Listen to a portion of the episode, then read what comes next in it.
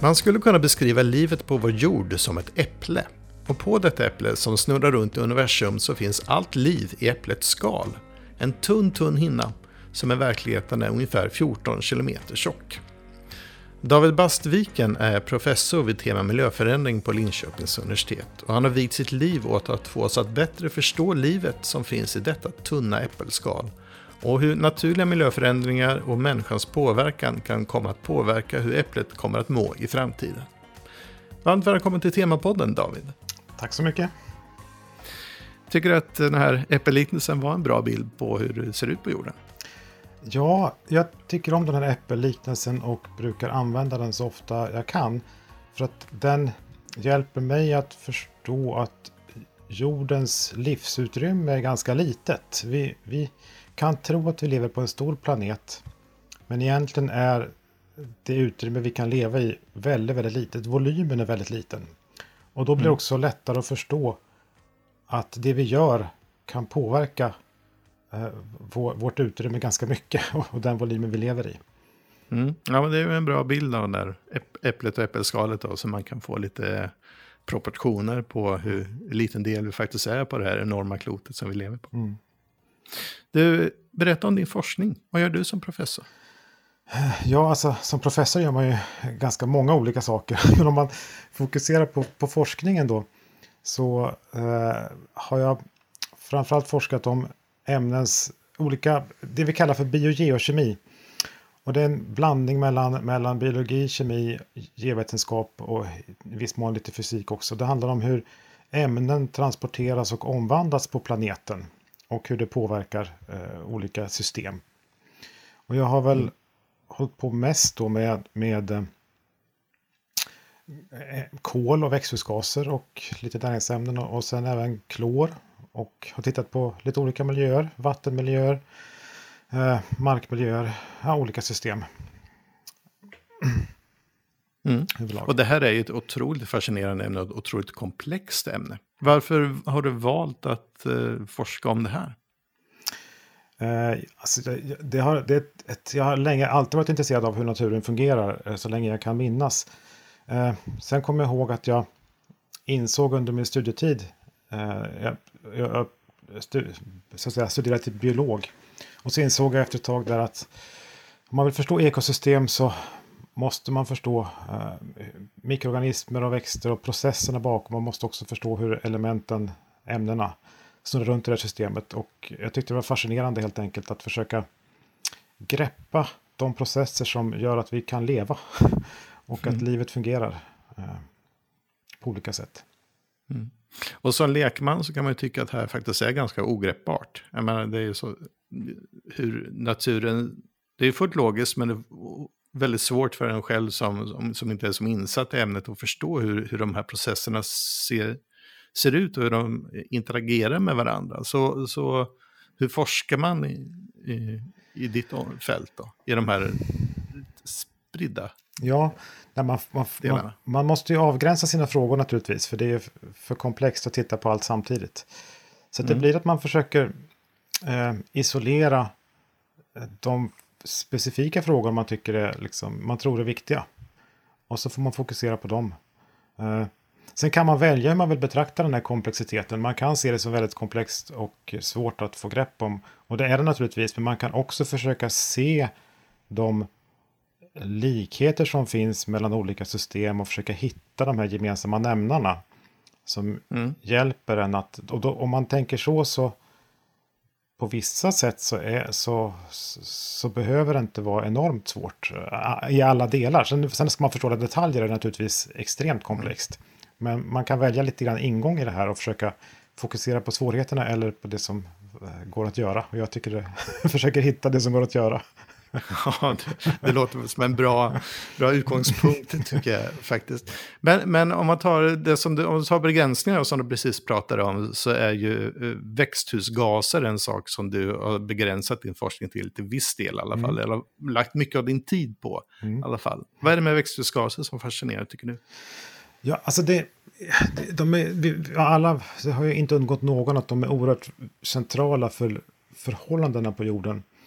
Mm. Eh, och det gör då att de, att de liksom, dels reglerar de helheten. Men de kommer från de här mikroprocesserna som sker överallt och jämt och ständigt. Varenda cell, varenda levande cell, varenda cell i min kropp, varenda levande cell på hela jorden, de producerar koldioxid när de bryter ner organiskt material i sin energimetabolism. Eh, många bakterier tillverkar andra saker, till exempel metan som också är växthusgas eller lustgas. Våra förbränningsprocesser. Det är massa små processer mm. överallt som, som skapar en, en balans här som reglerar des, helheten för oss. Så det är en koppling mellan liksom mikroskalan till den globala skalan som jag tycker är spännande eh, i botten. Eh, mm. Ja. That's it. ja, det är ett, ett, sätt i alla fall. ja, du, du har ju spenderat väldigt många år med att studera växthusgaser. Kortfattat, då, vad har du kommit fram till? Ja, jag, jag, man kan väl säga att jag har fokuserat mest tid på att förstå naturliga växthusgasflöden. Och eh, ett, en del som jag har bidragit i är att kanske skapa mer uppmärksamhet kring att ganska små miljöer på eh, jorden, i, i företrädesvis sötvattenmiljö då, som bara täcker 3-4 av, av kontinenternas yta, att de kommer vara väldigt viktiga för den globala växthusgasbalansen. De är väldigt aktiv eh, miljö. De mm. processar mycket organiskt material och, och, och eh, är viktiga för växthusgasomsättningen totalt sett. Så det, det har jag jobbat ganska mycket med. Och eh, sen har jag gradvis blivit mer och mer intresserad av de kunskapsluckor vi har kring att förstå vad som händer med växthusgasflöden i naturen och hur de regleras. Därför att det är naturligtvis så att den förändring vi ser nu den drivs ju av, av människors utsläpp. Och det, mm. människor ger de största nettoutsläppen. Men bakom den här nettoförändringen så finns också mycket större naturliga utsläpp och, och upptag av växthusgaser. Men de här utsläppen och upptagen har varit balanserade. Så att mm. nettoeffekten av dem har inte varit stor. Utan då, nu blir det väldigt viktigt när klimatet förändras att förstå hur de här stora, stora naturliga utsläppen eller upptagen påverkas av klimatet. Eh, för det kan, om, om det påverkas mer åt ett håll än åt andra hållet, om, om, om utsläppen från naturen påverkas mer än upptagen, då förstörs ju den gamla balansen som fanns förut. Mm. Och då kan de naturliga systemen bli obalanserande och det kan snabbt skapa eh, nya nettoflöden som vi inte vi måste vara beredda på eller helst vill undvika. Mm.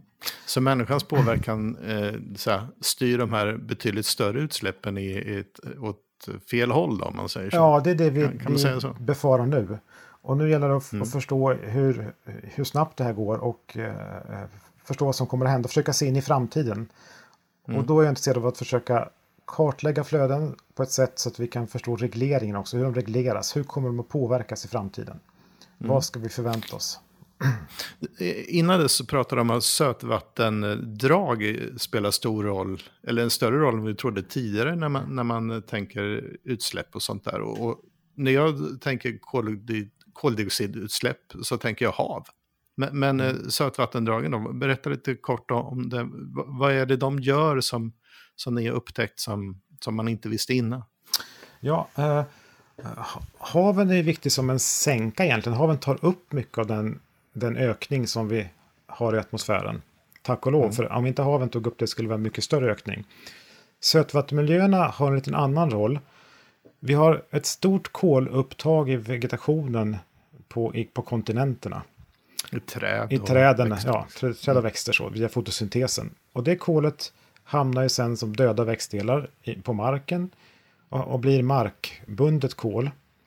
Och det kolet i sin tur följer med regnvattnet i hög grad ut i vattendrag och sjöar. Mm. Mm. Och där i vattendragen och sjöarna så, så, så kommer, kan kol antingen bindas in i sedimenten och bli, då blir sedimenten en kolsänka och ett kollager. En del kol som hamnar i sedimenten kan också omvandlas till metan och då kan vattenmiljöerna bli en metankälla. Och det är ju eh, inte så bra för, eftersom metan är mycket kraftfullare växthusgas. Än koldioxid, koldioxid. Per, per, kilo räknat. Eh, och sen kan då en del koldioxid komma tillbaka till atmosfären från vattendragen. Så att en del av det kol som tas upp av skogarna eh, det stannar inte i skogarna utan det förs vidare åt sidan liksom in i vattendragen och mm. sjöarna. Och sen så kommer det tillbaka till atmosfären på ett helt annat ställe. Eh, så att den, man kan säga att vattendrag och sjöar de, har, de samlar ju upp flöden från sitt avrinningsområde. Och det, sen sker det processer där på olika sätt som omvandlar de här flödena och gör att de här ämnena som når vattenmiljöerna de får liksom andra öden än man kan mm, tro. Mm. Om man bara tänker på, på landmiljöerna. Mm. När man pratar om forskning så kan det bli ganska teoretiskt, men du och ditt forskarlag har ju faktiskt gjort en grej som sticker ut lite. I er strävan att få fler att engagera sig så har ni eh, sagt att man hittat ett sätt som man på relativt enkelt kan mäta sina egna metanutsläpp. Berätta om det här projektet. Ja, det, det, handlar om att vi, när vi tittar på de här naturliga utsläppen så inser vi ganska snabbt att det är ganska svårt och dyrt att mäta växthusgasflöden. Vi har mm. bra metoder, men de, de kostar mycket pengar och kräver mycket tid och kräver eh, att man, ja, det är komplext helt enkelt. Och då tänkte vi att vi måste göra det lättare för folk att försöka mäta växthusgaser på olika sätt så att, så att det kan mätas ute i samhället utanför akademin också för att vi behöver mm. få bättre och bättre koll på det här. Och då funderar jag på, kan vi eh, utveckla, kan, eller kan vi använda sensorer som finns för växthusgaser men som är gjorda för fel, alltså för andra, fel koncentrationsområden, alltså för andra tillämpningar. Mm. Kan, vi, kan vi modifiera dem på något sätt och göra dem lämpliga för de lägre koncentrationer som vi behöver kunna mäta?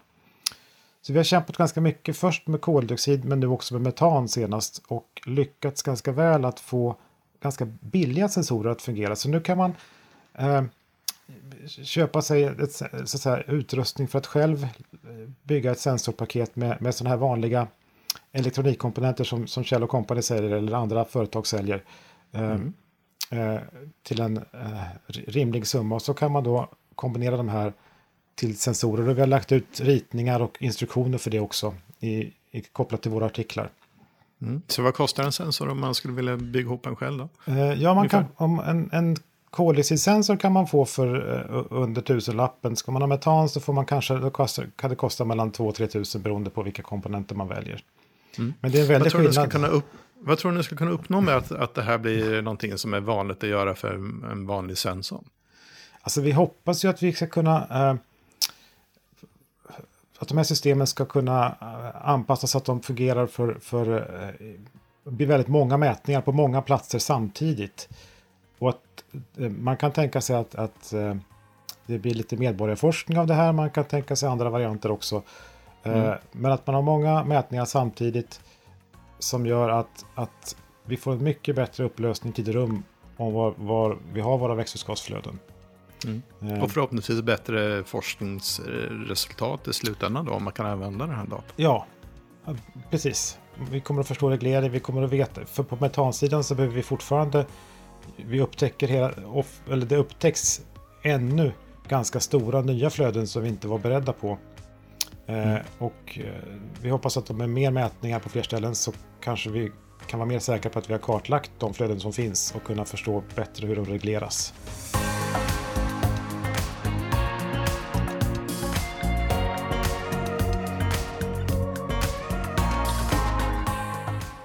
Din forskning har också fått internationell uppmärksamhet. Eh, när nyhetsbyrån Reuters, som är en av världens största byråer, nyligen sammanställde sin lista av de tusen mest inflytelserika forskarna så hamnade du på plats 420. Hur känns det? Ja, det, är, det är roligt att, att det man gör uppmärksammas. Det, det är kul. Mm. Är det viktigt med en sån ranking? Alltså, jag vet inte. Jag, jag, man, jag, jag, tror ingen forskar för att hamna på rankinglistor. Jag tror man forskar för att man brinner för det. För, man har brinnande intresse för någonting. Eh, så det är väl mm. mer att det är roligt att, att det uppmärksammas, men, men det är inget som styr min forskning på något sätt. Nej, det öppnar inte några, direkt några nya dörrar att man ligger halvvägs på, på listan bland alltså världens det, mest ja, det vet jag. Vet inte, jag vet inte vad, vad eh, listan kommer att ha för betydelse. Det, vet, det kan jag inte bedöma eftersom det är ganska nytt. Men det är bra för ens ego om inte Kanske det. Framförallt är det kul att, att, att eh, det är alltid roligt när det man gör eh, läses av andra eller, eller så att säga, kommer till nytta på andra sätt. Mm.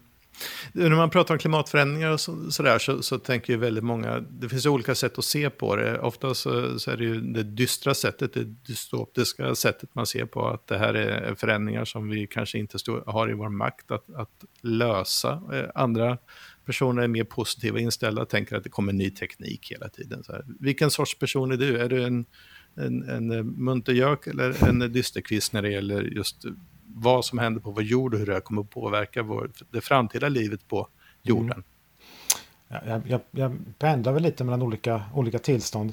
Uh, ja. Men jag har, jag har det, jag, jag, brukar tänka att man kan alltid agera på ett sätt så att det blir bättre än det skulle ha blivit annars. Alltså att, att man liksom kan göra nytta på marginalen. Det, det är ett mm. sätt som hjälper mig att hålla modet uppe. Uh, även när man tycker att det går åt fel håll. Att kan vi göra någonting för att åtminstone göra det bättre än det skulle ha blivit annars, då har vi gjort någonting bra. Eh, och då kämpar man ju åt rätt håll hela tiden. Mm. Eh, så lite grann så tänker jag på det här. Mm. Vad är ditt eh, nästa projekt? Vad, vad står inför som du vill göra i framtiden? Jag, jag, just nu så med tanke på de metodsvårigheter som finns, att, att, det, att vi har det är svårt att kartlägga de, de här stor, alltså kartlägga processer från mikroskalan upp till den globala skalan och förstå reglering. Det, det, det, det finns ett metodproblem bakom det. Så att jag mer och mer är intresserad av att försöka ta fram nya metoder som ger oss verktyg att, att, att göra bra mätningar av framförallt växthusgasflöden nu, men jag tänker överlag på även annan typ av miljö, miljö andra typer av miljömätningar. Eh, metoderna är ju det är metoderna som avgör vilka delar av världen som vi kan uppleva eller kan skaffa oss kunskap om. Så metoderna är vår yttersta gräns för kunskapen. Och jag tycker mm. att metodkunskap och metodutveckling kanske har behandlat lite styvmoderligt mm. i forskningen av forskningsfinansiärer och andra. Eh, så jag, jag brinner för att försöka eh, ge oss samhällen och forskare liksom bättre verktyg för att, att säga, flytta gränserna för vad vi kan, vad vi kan skaffa oss kunskap om. Mm. Så metod, metodfrågorna tycker jag är viktiga. De behöver mer uppmärksamhet. Det, det, det är så vi gör stora framsteg upplever jag ofta. Mm. Och det ger oss bättre förståelse för livet i den här zonen då, i det här ja, äppelskalet precis, som vi precis, pratade om i början. Precis. Härligt David, tack för att du ville vara med i Temapodden och tack för ett intressant samtal. Ja, David är alltså professor vid tema miljöförändring på Linköpings universitet. Och naturligtvis stort tack till dig som har lyssnat. Har du synpunkter eller tankar kring det du precis har hört kan du mejla dem till temapodden liu.se. Vill du veta mer om den forskning som David och hans kollegor gör så finns det länkar till den i beskrivningen till detta avsnitt. Och vill du lyssna till fler poddar från Linköpings universitet så hittar du dem på adressen li.se-podcast. Jag heter Per Wisbo Nibell.